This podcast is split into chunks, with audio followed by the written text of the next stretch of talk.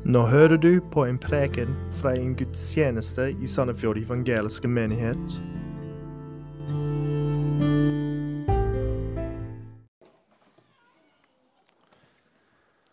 For et um, par uker siden så var jeg på noe så spennende som en revisorkonferanse uh, på Gardermoen, som gikk over et par dager.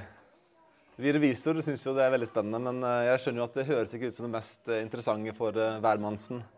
Under et av seminarene så var det en tidligere skiløper, som jeg også tror er olympisk mester, og sikkert verdensmester også, som heter Øystein Pettersen. Pølsa er kallenavnet hans. Hvis dere har fulgt med på ski eller sett på 'Mesternes mester', eller noe sånt, så har han vært med, med der to ganger, tror jeg faktisk. Han hadde et seminar om hvordan en skulle angripe livet på en litt mer proaktiv måte.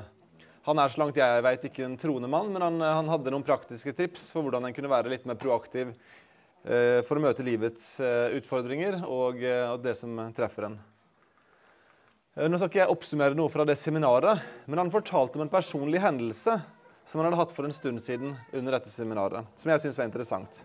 Han hadde vært ute og sykla. Han er jo en toppidrettsutøver, bedre trent enn eh, alle, alle oss andre til sammen. Men så har han fått hodepine. Uh, følte at liksom, eh, hodet liksom holdt på å sprenge. Han kom hjem, ble veldig kvalm, spydde, kom seg i senga. Og så ringte han til en kamerat som var lege, eh, som dro hjem til han og skjønte at han var dårligere enn det han, enn han sjøl trodde. Fikk han i bilen, kjørte han til legevakten. Og det var ikke før han kom til legevakten at han forsto alvoret i situasjonen han var i. For da han kom dit, så sto det ikke bare en, eh, en, en sykepleier tok imot han, men da sto det liksom et team med, med helsepersonell for å ta imot han. Han hadde fått en hjerneblødning, eh, en ganske alvorlig en. Nå er nok hjerneblødninger generelt ganske alvorlig. Eh, og han fikk beskjed om at han skulle fraktes med luftambulanse til Oslo. Øystein Pettersen sa da at han hadde så vondt i hodet så han ba legen om å få noe smertestillende. Og Da svarte legen hans du kan snart få smertestillende, du kan snart legge deg i narkose. Men før vi gjør det, så må du ta telefonen din og ringe kona di, for vi kan ikke love deg at du kommer til å våkne igjen. Og det var først da denne tidligere toppidrettsutøveren forsto alvoret i situasjonen. Virkelig. Og nå skulle han på veldig kort varsel få telefonen sin i hånda, ringe til kona si og ha en kort samtale, det måtte være kort, som kanskje ville være den siste samtalen de noen gang skulle ha. Hva sier en da i en sånn samtale? Når en stirrer døden i øyet, og kanskje dette er siste gang du får lov til å adressere de du er glad i. Jeg tror Øystein han, han huska ikke alt hva han hadde sagt, eh, forståelig nok. Men han sa nok noe av det som mange av oss hadde sagt på hvis vi var i den situasjonen. Noe sånn som at 'jeg er ufattelig glad i deg', 'ta vare på deg sjøl', osv. Når en får anledning til å adressere noen for aller siste gang, så ønsker en at ordene en sier, skal berøre noen sentrale ting. En ektemann som får lov til å adressere sin hustru for siste gang, bruker ikke den siste samtalen på å si at han glemte å ta ut oppvaskmaskinen. Det er fint om du kan gjøre det etter middagen. Hvis han er med sine fulle fem, så ønsker han å formidle kjærlighet, trøst, håp på fremtiden, tross sorgen som skal komme. Jeg ønsker at den siste ord skal være oppbyggelige. At de som tar imot dem, kan ta imot ordene på, som et godt minne, så en kan bære de gjennom tunge dager. Andre Peters brev er ikke en telefonsamtale fra akutten, men det er det siste brevet fra en mann som snart skal dø. En aller siste påminnelse sendt fra en kjærlig og god åndelig hyrde, Peter, til de troende i Lille Asia. Og selv om ikke det er en telefonsamtale på akutten som blir kasta i fanget på Peter, så er faktisk ikke det så forskjellig heller. Vi vet jo selvfølgelig at det fantes ikke telefonsamtaler, ikke Teams-møter, ikke Skype i år 70. Eller i år 68, når han skriver det her, sannsynligvis. Teknologien fantes ikke. Dette var hans ene mulighet til å adressere de troende for siste gang. Og den ene måten han kunne gjøre det på, var å sette seg ned og skrive med pennen og papir. Og det er det andre Peters brev er. Noen avsluttende og livsviktige påminnelser fra Peter der han stirrer døden i øyet. Så la oss lese dagens tekst og høre Peters hjerteslag, der han står ved utgangen av livet, på vei inn i evigheten, og adresserer de troende, sannsynligvis, eh, og vi vet at det ble sånn, for siste gang. Og Da leser vi teksten i dag, 2. Peters brev 1, 12-15. Der skriver Peter.: Derfor vil jeg alltid minne dere om dette, enda dere alt vet det og er grunnfestet i sannheten som er oss dere. Men jeg mener det er riktig, så lenge jeg er i denne hytten, og vekke dere ved påminnelse.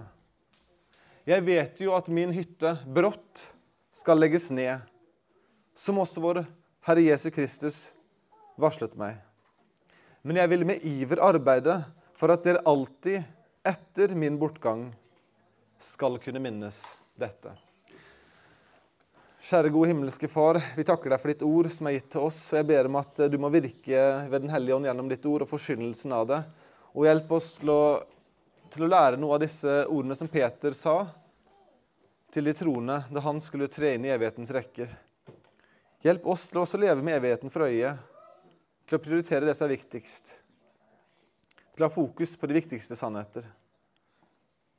Hjelp oss som Peter å være med å formidle og minne på hverandre de sannheter som er essensielt for frelse. Til hverandre og til de som er utenfor. Og Vi ber om at du må virke gjennom forsynelsen av ditt ord. Og vi ber i Jesu navn. Amen. Dagens avsnitt Da jeg skulle forberede det, så fikk jeg en del eh, problemer umiddelbart. For det første så lærer det oss ikke noe nytt. Og en har alltid lyst til å lære folk noe nytt når en forsyner. Det står ingenting der som er, eh, kommer til å gjøre at vi får noen nye læresetninger ut av dette avsnittet. Og ikke nok med det. Det står ingenting om hva vi skal gjøre. Ingenting om hva vi skal si, handle, tenke, basert på det Peter skriver. Det er ingen formaninger i avsnittet. Så det er ingen nye teologiske sannheter, og det er ingen formaninger. Og da blir en litt maktesløs når en skal forberede en tale. Men det dette avsnittet gjør, det er å formidle til oss hvorfor det som står før, og det som kommer etter, hvorfor det er livsviktig for oss å huske, reflektere over og aldri glemme. En kan si at dette avsnittet vi ser på i dag, er en måte hvor Peter understreker viktigheten av resten av brevet på. Og kanskje spesielt det som han har skrevet om før, om vår fantastiske frelse. Om det livet som vi kan leve i guddommelig kraft, i vissheten om vår egen frelse som vi har fått fra Kristus. Og Når vi nå ser gjennom dette avsnittet, som er litt annerledes enn de fleste avsnitt vi pleier å se på i brevlitteraturen, så skal vi gjøre det ved å bare gjøre noen enkle observasjoner, eller refleksjoner om du vil, som Peter gir, som vi skal få lov å tenke over, og jeg håper at de kan la de påvirke oss. Så det er på en måte angrepsvinkelen på dette avsnittet her. Det er ikke tre formaninger, det er ikke tre sannheter vi må huske, men vi skal prøve å gjøre tre refleksjoner ut fra dette avsnittet på disse ordene som Peter gir til de troende. Og den første og kanskje mest sentrale refleksjonen som, som jeg tror dette avsnittet gir oss, er følgende. Guds folk trenger stadige påminnelser om det som er sant. Og en kan si at under, og, og på en måte Undertittel kan være at Guds folk må oftest bli minnet om det som er viktigst. Guds folk trenger stadige påminnelser om det som er sant. Hva ønsker Peter å formidle fra dødsleiet? Som nevnt så tror jeg de fleste av oss ville tenkt oss godt om dersom vi fikk en aller siste mulighet til å skrive noen ord vi er glade i. Og Peter er veldig bevisst på oppgaven sin i dette brevet. Hans ord er edruelige og velvalgte. Og jeg synes det er interessant og faktisk ganske oppmuntrende at det ser ut som at Peter ikke ønsker å lære de troende noe nytt. det er ikke, Her sa han ikke inn på de mest komplekse eh, og vanskelige problemstillinger. Det handler om å minne de om de mest sentrale frelsessannheter som de allerede hadde hørt, men som de nå måtte bli minnet på igjen. Les vers 12 med meg. Derfor vil jeg alltid minne dere om dette. Dette henviser til det som har vært før, egentlig helt fra vers 1 og til og med 11. Derfor vil jeg alltid minne dere om dette, enda dere alt vet det og er grunnfestet i sannheten som er hos dere. Med andre ord, dere veit dette som jeg sier til dere, men jeg må minne dere om det på nytt. Jeg vil alltid minne dere om dette. På torsdag så hadde vi eh, samling for mennene i menigheten hjemme hos oss. Og jeg snakket litt med, med Lea før, eh, før, samlingen, for hun pleier å legge seg litt seinere enn de andre barna. Så jeg visste at hun kom til å være våken. Og så sa jeg at når vi får besøk, så er det fint hvis du kan sitte oppe på rommet ditt og lese. Eh, eller ikke, ikke, være akkurat rundt oss når vi er, vi er nede, for det er, ja, det er, greit at vi, vi, kan snakke litt mer i frihet. Så, så Lea sa at hun skulle være på rommet og, sånn, og, og sitte og lese. Og så spurte hun hvorfor vi skulle møtes. Og jeg sa nok noe litt sånn generelt, at vi skulle snakke om Bibelen og kanskje lære noe om Jesus. Litt sånn generelt sagt, kanskje. Og da spurte hun meg men veit ikke du alt om Jesus. Uh, og Jeg kunne jo svare ganske bekreftende at det, det kan jeg ikke. Jeg kan ikke alt om Jesus. Men jeg skjønte hvor hun kom fra. For hun tenkte kanskje du har jo lest hele Bibelen før, eh, så er det da noe nytt du trenger å lære. Og det tenkte jeg litt på. Og så sa jeg kanskje noe sånt som det er. Det er ikke sikkert at jeg skal lære noe nytt, men jeg trenger å bli minnet på noe det jeg allerede har lært før. Og det har jeg tenkt på også for våre liv også. Når vi kommer sammen her til gudstjeneste på søndager, det hender ofte at vi lærer noe nytt. Men jeg tror det er vel så viktig, faktisk enda viktigere, og det skjer mye oftere, at du kommer hit og så blir du minnet på noe du allerede vet. Er det da unyttig? Er det kun nye sannheter som har verdi? Er det ikke slik at vi så altfor ofte, selv om vi kan noe, har hørt det før, så trenger vi igjen å bli minnet på det, slik at vi kan respondere det på det igjen, så vi ikke glemmer det. Husk at en av Israels store synder var at de gang på gang glemte alt det Herren, altså Gud, hadde gjort for sitt folk. Og så glemte de også hva Herren hadde sagt at de skulle gjøre og ikke gjøre. Det er et vers som er treffende i Jesaja kapittel 17, vers 9 og 10, hvor det står På den tid skal Israels befestede byer bli som de forlatte steder i skogen og på høydene, de som ble forlatt da Israels barn kom, og landet skal bli til en ørken. Det er et domsord. Israelsfolket skal bli bortvist. Og så er det, hvor, Hvorfor skal de bli bortvist? Vers 10. For du glemte din frelses Gud, og din styrkes klippe kom det ikke i hu. Derfor planter du herlige hager og setter fremmede ranker i dem. De hadde glemt hvor de kom fra. De hadde glemt hva Herren hadde gjort for dem. Og en av de viktigste eh, avsnittene kanskje i hele Toraen, i hele første til femte Mosebok, er et, eh, et, veldig kjent avsnitt i, i femte Mosebok, kapittel 6, vers 4, som nettopp handler om at israelsfolket skal minne de neste generasjoner på hvem Gud er, og hva han har sagt. Vi kan lese fra vers, eh, kapittel 6, 5. Mosebok 6, fra vers 4 til 9. Hør, Israel, Herren er vår Gud, Herren er én. Og du skal elske Herren din Gud av hele ditt hjerte og av hele din sjel og all din makt. Og så her kommer det som er relevant for vårt avsnitt her. Disse ord som jeg byr deg i dag, skal du gjemme i ditt hjerte, og du skal innprente dem i dine barn. Og Du skal tale om dem når du sitter i ditt hus, når du går på veien, når du legger deg, og når du står opp. Og du skal binde dem som et tegn på din hånd. De skal være som en minneseddel på din panne, og du skal skrive dem på dørstolpene i ditt hus og på dine porter. Israelsfolket høres ut som de er veldig eh, lettglemt, at de, har, at de er demente alle sammen. Men sånn er vi alle mennesker. Vi hører noe, og så går det ikke lang tid. Og så har vi kanskje glemt det. Eller, eller kanskje vi har glemt det, men kanskje ikke vi bryr oss. Vi trenger å bli påminnet. Vi trenger at sannhetene blir oppildna i oss. Og Det var det israelsfolket fikk beskjed om å gjøre. Og vi vet at de ikke gjorde det. Og derfor gikk det galt så altfor ofte. Jeg satt og tenkte på introduksjonen til Galaterbrevet i denne forbindelsen. Paulus skriver til dem, 'Jeg undrer meg over at dere så snart vender dere bort fra ham som kalte dere ved Kristi nåde, til et annet evangelium. De hadde lært det sanne evangelium, og så kom det noen på sida og så forsynte de et annet evangelie. Og så glemte de kanskje viktigheten av det de hadde lært, og så ble de så lett forført. I romerbrevet så presiserer Paulus til romerne at alt han skriver i brevet, ikke var ny lære for dem. I Romerne 15, vers 14-15 skriver Paulus.: Mine brødre, for min del er jeg overbevist om at dere selv er fulle av godhet, fylt med all kunnskap, i stand til også å formane hverandre. Likevel har jeg til dels skrevet noe djervt til dere for å påminne dere ved den nåde som er gitt meg av Gud. En viktig del av romerbrevet var å påminne romerne om det de allerede hadde lært. I første Korinterbrev leser vi om at Paulus skulle sende Timoteus til menigheten i Korint. Og hør her hva oppgaven til Timoteus var.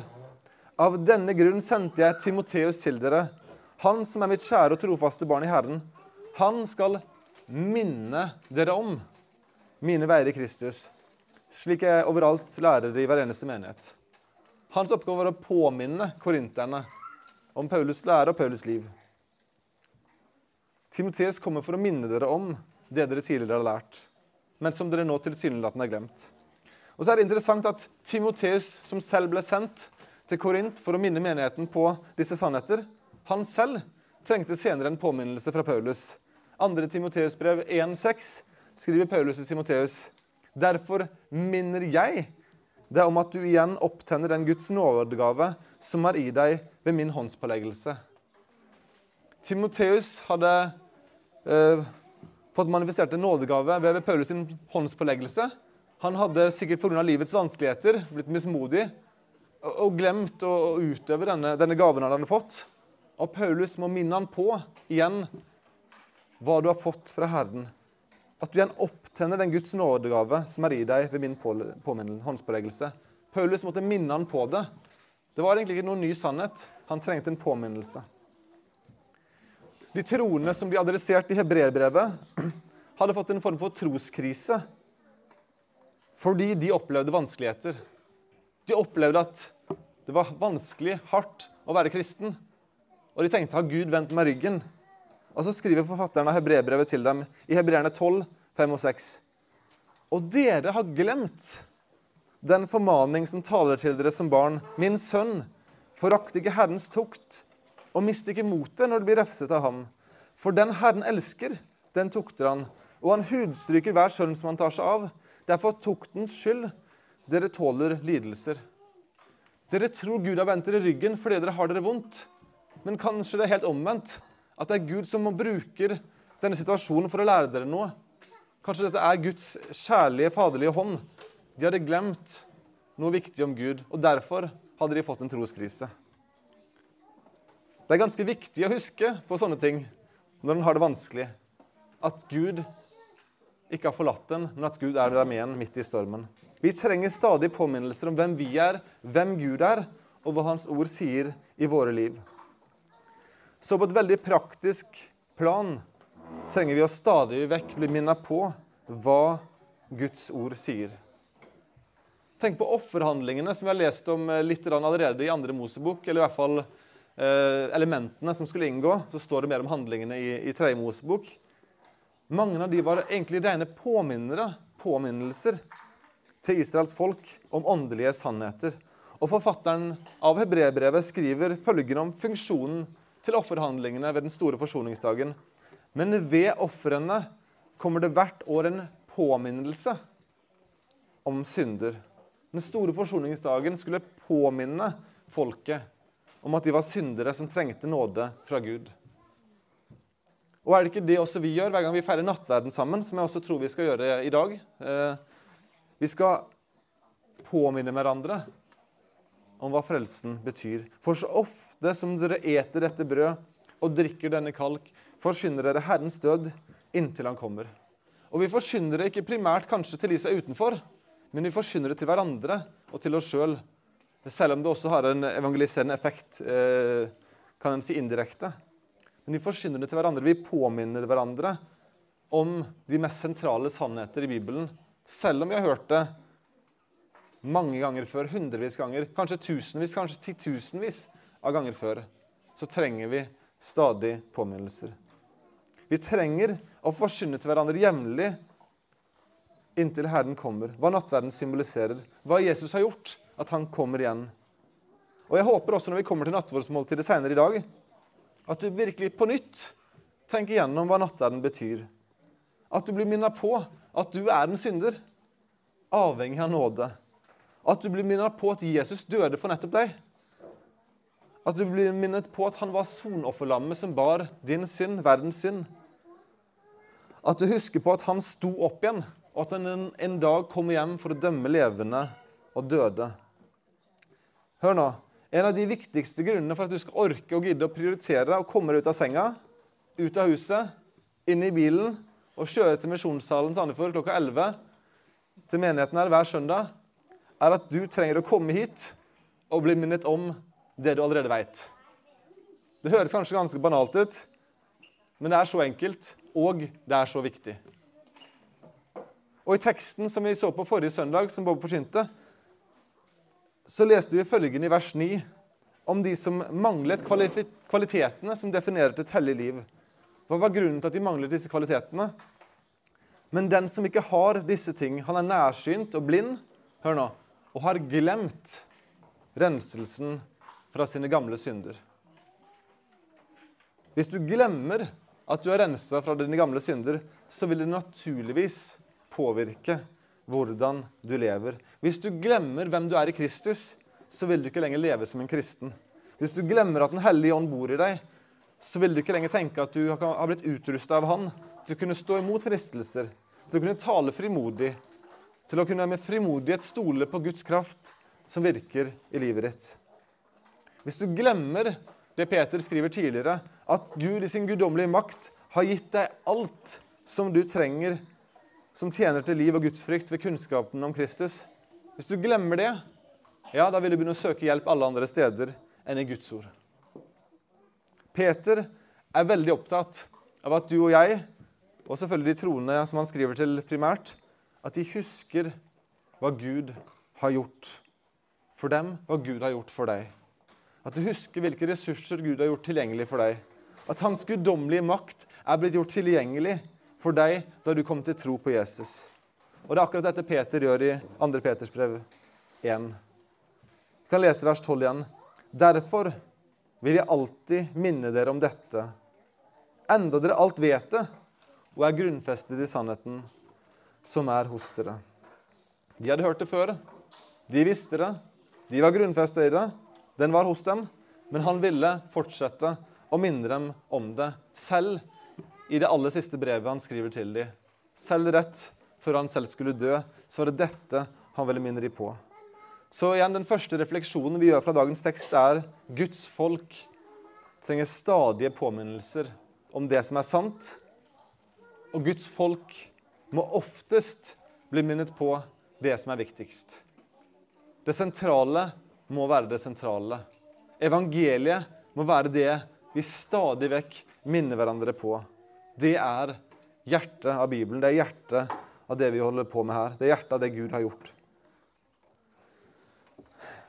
Refleksjon nummer to som vi kan gjøre fra dagens tekst, er at livet er skjørt.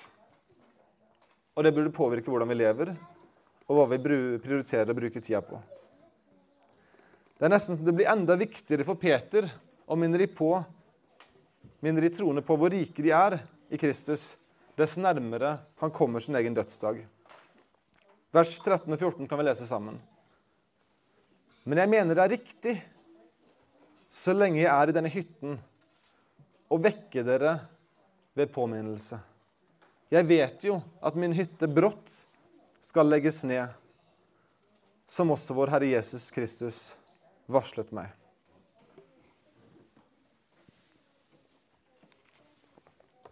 Peter levde et veldig interessant liv som apostel. Han var den eneste apostelen, så vidt vi vet, som ble gitt en garanti av Jesus om at han kom til å dø som martyr. Tenk det. han fikk et løfte av Jesus om at han skulle dø som martyr.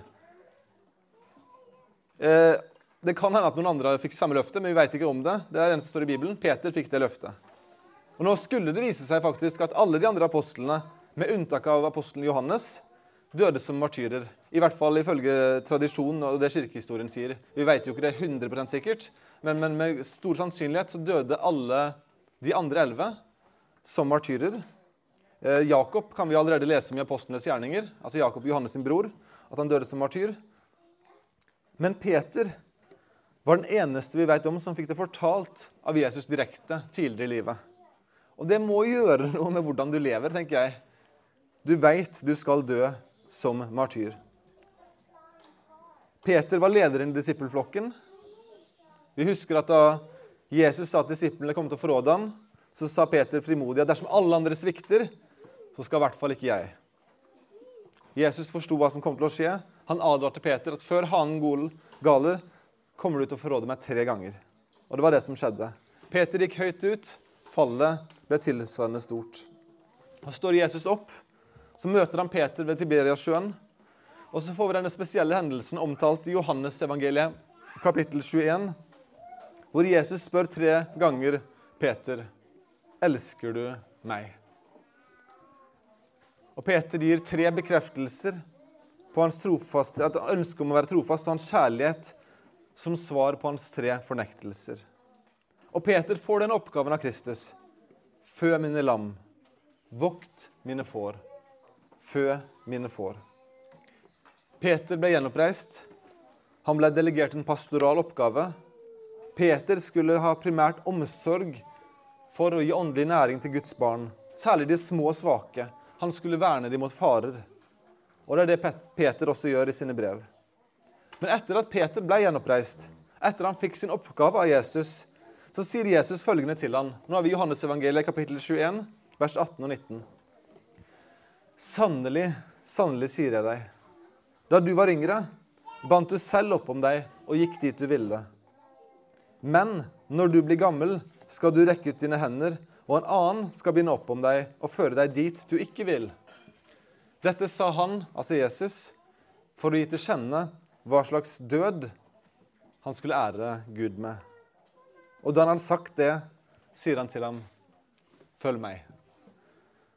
Det er et ganske spesielt avsnitt. Han blir gitt et løfte om at han kommer til å dø for Jesus som martyr, og så avslutter Jesus med å si, 'Følg meg'. Og Peter fulgte Jesus. Han visste at det ville koste han, koste han livet å følge Jesus, og han fulgte han villig. Peter visste at han kom til å dø som martyr, at han ville dø pga. sitt vitnesbyrd for Kristus. Men han visste en ting til. At han skulle bli gammel før det skjedde. Og Det plasserte Peter i en helt unik situasjon. På en måte kan en si at Peter kunne være så frimodig han bare ville, for han visste at han hadde fått et løfte om at han skulle bli gammel. Og nå kan jo gammelbegrepet nok være litt eh, yngre enn vi tenker kanskje på gammel. Men han fikk et løfte om at han skulle bli gammel før det skjedde. Så en kan si at Peter var udødelig inntil han ble gammel. Han skulle dø som martyr, ja, men det skulle skje seinere i livet. Eh, og Det ga nok Peter også en form for frimodighet, som jeg tror er ganske, ganske åpenbart etter hvert i apostlenes gjerninger, når Den hellige ånd ble utøst. Og, det er Peter som står fram og taler frimodig. Eh, og Det var nok selvfølgelig eh, Den hellige ånd i han som, som, ga han denne frimodigheten. Men vissheten også om dette, at ja, jeg kommer til å dø uansett, men det kommer jeg ikke til å skje ved seinere. Jeg tror også det spilte en rolle. Han var, som en sier, udødelig til han ble gammel. Peter skrev andre Peters brev eh, da han var rundt 65-70 år. Vi vet ikke nøyaktig hvor gammel Peter var. Kanskje han var like gammel som Jesus, cirka. Eh, og brevet er skrevet rundt 67-68 etter Kristus. Eh, så Peter er altså ja, ca. 65-70 år. Som han hadde nådd, nådd gammel alder i, i, i, i nytestamentlig forstand. Mange tror at Peter skrev brevet fra fengselet i Roma. Eh, vi vet ikke det sikkert, men at han allerede var i fangenskap under Neros regjeringstid. Eh, og det virker som, eh, fra brevet, som at han skjønner at tiden er kommet hvor jeg ganske snart skal dø. Min hytte skal snart legges ned. Brått legges ned, som også vår Herre Jesus Kristus varslet meg. Han er ved livets ende Og han bruker sine siste ord på å minne dem på hva Gud har gjort for dem. Livet er skjørt, og hans refleksjon er bruk det til Guds ære. Det var Peters eksempel og Peters vitnesbyrd. Han hadde levd til Guds ære med det livet han hadde fått. Refleksjonen som på en måte henger sammen med denne, men som, som jeg vil utbrodere litt mer, er følgende. Og Det blir den tredje refleksjonen vi tar fra vers 15. Hvordan du lever i dag, vil påvirke den innflytelse du vil ha etter at du er borte. Jeg vet ikke Nå er jo mange av oss eh, relativt eh, unge, vil jeg si. Eh, har sannsynligvis lenger igjen å leve enn det en har levd. Det vet vi jo selvfølgelig ikke. Men, men, kanskje noen av dere allerede har begynt å tenke over hvordan, hvilket ettermæle du vil ha. Hva folk vil tenke om deg når du en gang forlater denne jorda. Jeg vet ikke noen av dere, jeg skal ha en håndsopprekning, men om noen har tenkt på det. Eller du kanskje har tenkt tanken at hva hvis jeg, hva hvis jeg skulle dø i en ulykke eller, eller få en akutt sykdom? Hva, hva, hva sitter folk igjen med? etter de har dødd? Hvordan vil de huske meg som, som far, som ektemann, som, som venn, som nabo osv.? Hvordan vil folk huske oss? Hva vil folk sitte igjen med? Hvordan var Peter opptatt av det her? Vers 15 skal vi lese, lese om det. Jeg vil med iver arbeide for at dere alltid etter min bortgang skal kunne minnes dette. Merk dere at Peter ikke var veldig opptatt av hvordan de skulle huske ham personlig. Men han var bekymra for at de ikke skulle huske budskapet han hadde forsynt. Eh, sagt på en annen måte Peter var ikke redd for at de troende skulle glemme hvem han var. Han var redd de skulle glemme hva han hadde lært dem. Og det er en ganske stor forskjell. Han var ikke en sånn som sa at når jeg dør, så må dere bygge en statue av meg. Eh, en sånn svær byste som skal stå midt i menigheten. Dessverre er jo det det, det kirken etter hvert gjorde, da, eh, med alle apostlene. for så vidt også. Men, men greit, Peters, Peter var ikke opptatt av at han skulle få et bilde på veggen. Han var opptatt av at menigheten skulle huske det budskapet og det evangelium han forsynte. De sannhetene han hadde gitt. Ingen av oss vet hvor lenge vi har igjen. Og jeg tror jeg kan si med ganske stor sikkerhet at ingen av oss har fått samme lovnaden som Peter fikk, om at han skal bli gammel og så dø som martyr. Eh, hvis du har fått det, så kan, kan vi ta det etterpå. Men jeg tror likevel du og jeg gjør klokt i å bruke den tiden vi har nå, på å investere i våre medmennesker på samme måte som Peter gjorde for menigheten i Lille Asia. Jeg bare spør er vi flinke til å minne hverandre på hver dag hvem Jesus er, hva han har gjort for å frelse? Minner dere barna deres på hver dag hvem Jesus er? Hva han har gjort? Minner du deg sjøl på, minner du barna dine på at synd skaper død? Det skaper negative konsekvenser. Synd er ødeleggende, ikke bare for deg selv, men for de rundt deg også. Det er skadelig. Det gir ikke Gud ære. Minnes vi på at de valgene vi tar i dag, får konsekvenser for i morgen? minnes vi på at livet er kort. Evigheten er lang. altså Evigheten er jo evig, da. Sånn er, lang er kanskje feil å si, men det er mye viktigere å ta beslutninger og valg som er prega av evigheten, framfor det kortvarige. Peter omtaler kroppen sin som en hytte eller et telt for sjelen sin. En midlertidig oppholdsplass som på et tidspunkt vil opphøre å være. Og for Peter var det ganske snart etter han skrev brevet. Livet er skjørt. Vårt fysiske liv på denne jord er ikke som en borg som ligger på en fjellklippe, og som tåler alt av vær og vind. Våre sjeler er det. Våre sjeler er forankra i Kristus, helt trygg for alle skadelige effekter. Men vår midlertidige tilværelse på denne jord er ikke på samme måten. Skjørt som en røyk som er en liten stund, og plutselig borte, som Jakob skriver. Vår hytte kan også brått bli lagt ned. Og Da kommer jeg til det spørsmålet som kanskje du har tenkt over. Kanskje du burde tenke litt over det. Hvis du skulle dø brått, komme i en ulykke, eller at du dør som eldre, hva vil de rundt deg sitte igjen av minner og tanker om deg? De, hvis de skulle oppsummere hva som var viktig for deg, hva ville de vært? Ville ikke ikke kunne si at ja, pappa han var en raring? Det vil de sikkert si om de fleste av oss. Men han var omsorgsfull. Han var snill. Han ba alltid for oss. Han fortalte oss om Jesus. Han leste, han leste inn av Bibelen, selv om ikke vi syntes det var så veldig spennende. Kanskje. Han sa igjen og igjen at alle har synda, men at en kan få tilgivelse og evig liv dersom en tror på Jesus. Heldigvis da, så skal vi slippe å være der når de har etterordene etter oss. Og det skal Vi ikke være, vi skal ikke være veldig opptatt av det egentlig heller. da. Men jeg tror det er et urolig, tanke å ha likevel. Litt rann. Hva sitter barna mine igjen med når, jeg, når de en gang forlater redet, eller når jeg kanskje forlater denne jord? Hva har jeg minnet dem om gjennom det livet jeg nå lever? Hvilke sannheter er innprenta i dem? Hvilke sannheter har de fått som de aldri kommer til å glemme? Peter var opptatt av at sannhetene skulle bli huska. Om han selv personlig ble glemt, at budskapet han forsynte om Jesus Kristus, det skulle leve videre. Og Peters liv er også et vitnesbyrd om, om evangeliets sannheter, kan han si.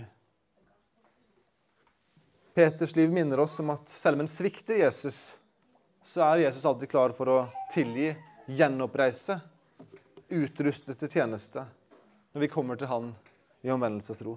Peter levde i nåden, og han forsynte nåde ved tro på Kristus til andre.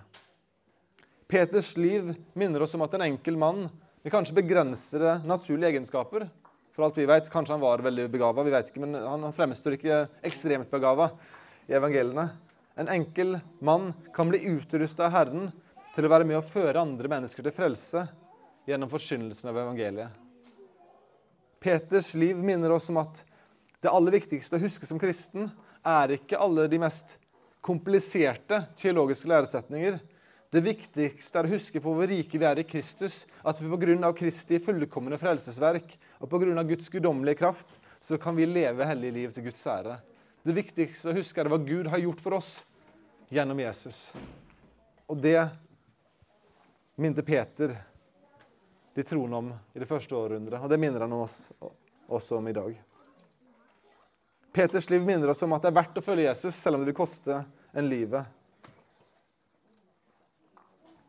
Peter, som vi husker, svikta da det gjaldt som mest for Jesus. Tre ganger.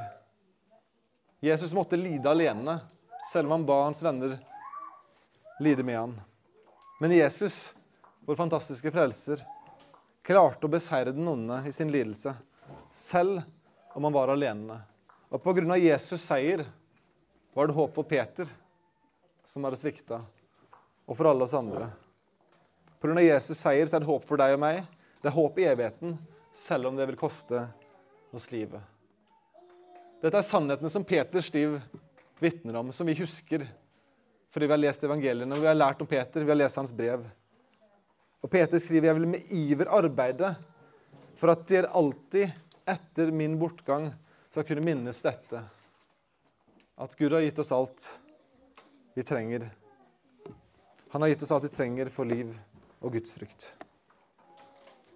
Ved Guds nåde så fikk Peter rett. Nå, 2000 år seinere, lenge etter Peters bortgang, kan vi minnes det som han ba og håpte om at de troende skulle minnes. Sannhetene om evangeliet. Måtte vi aldri glemme det. Måtte vi være flinke som menighet og minne hverandre på hva Gud har gjort for oss gjennom Kristus. Måtte vi være flinke til å minne hverandre på sannhetene i Guds år. Måtte vi uansett hva vi møter i livet av vanskeligheter og, og problemer, aldri glemme disse sannhetene som Peter skrev til de troende. Nåde og fred blir dere til rikt mål gjennom kunnskapen om Gud og Jesus, vår Herre. Ettersom Hans guddommelige makt har gitt oss alt som tjener til liv og gudsfrykt ved kunnskapen om Ham som har kalt oss ved sin egen herlighet og kraft, og gjennom dette har gitt oss de største og mest dyrebare løfter, for at dere ved dem skulle få del i guddommelig natur, etter at dere har flyktet bort fra fordervelsen i verden, som kommer av lysten. Menighet, det her er sannheter vi aldri må glemme og stadig vekk minne hverandre på. La oss be Gud om hjelp til å gjøre akkurat det. Gode himmelske Far. Um, vi takker deg for muligheten å kunne stoppe opp og, og reflektere over viktigheten av å, å bli påminnet av frelsesverket som du har frembrakt gjennom Kristus. Eh, og, og, jeg ber, kjære far, om at vi, vi, i enda større grad kan bli flinkere til å minne hverandre på det som er sant, det som Jesus har gjort. Alle gavene vi har fått til Han, hvor rike vi er, at det er håp i evigheten, at det er mulig å få tilgivelse og gjenoppreisning også når vi faller. Og kjære far, hjelp oss til å, til å leve liv som, som er med å formidle og understreke det som er sant. Hjelpe oss å gjøre prioriteringer som er kanskje vanskelig å gjøre, eh, men som gir deg ære, og som, og som også vitner om at vi er mer opptatt av evigheten enn, enn, enn det timelige. Vi takker deg for at du er god mot oss, at du har gitt oss ditt ord. Vi takker deg for Peters sitt trofaste vitnesbyrd, måten du brukte han på. Og jeg ber igjen om at du må bruke oss på hver vår måte, svake som vi er, at du ved Den hellige ånd må virke gjennom oss. At vi også kan bli, bli brukt som verktøy i, i forkynnelsen av evangeliet, i utbredelsen av ditt rike. Jeg takker deg for hver enkelt som er her. Jeg ber for barna spesielt, kjære far. Måtte de måtte de se at Jesus er verdt å leve og dø for. At han er det som bærer gjennom evigheten. Jeg ber for alle oss, alle oss andre som ikke er barn, at vi også må, må, må bli oppildna i vår tro, i vår kjærlighet til Kristus. Vi takker deg for din omsorg og din godhet mot oss. Og vi ber om at du velsigner eh, møtet videre og nattverdsmåltidet vi skal ha, når vi blir minnet på hva Jesus har gjort, og at han kom igjen en dag i framtiden for å dømme levende døde. I Jesu navn. Amen.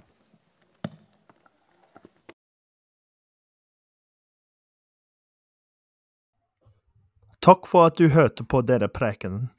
Ønsker du mer informasjon, besøk sandefjordevangeliske.no eller vår Facebook-side Sandefjord evangeliske menighet.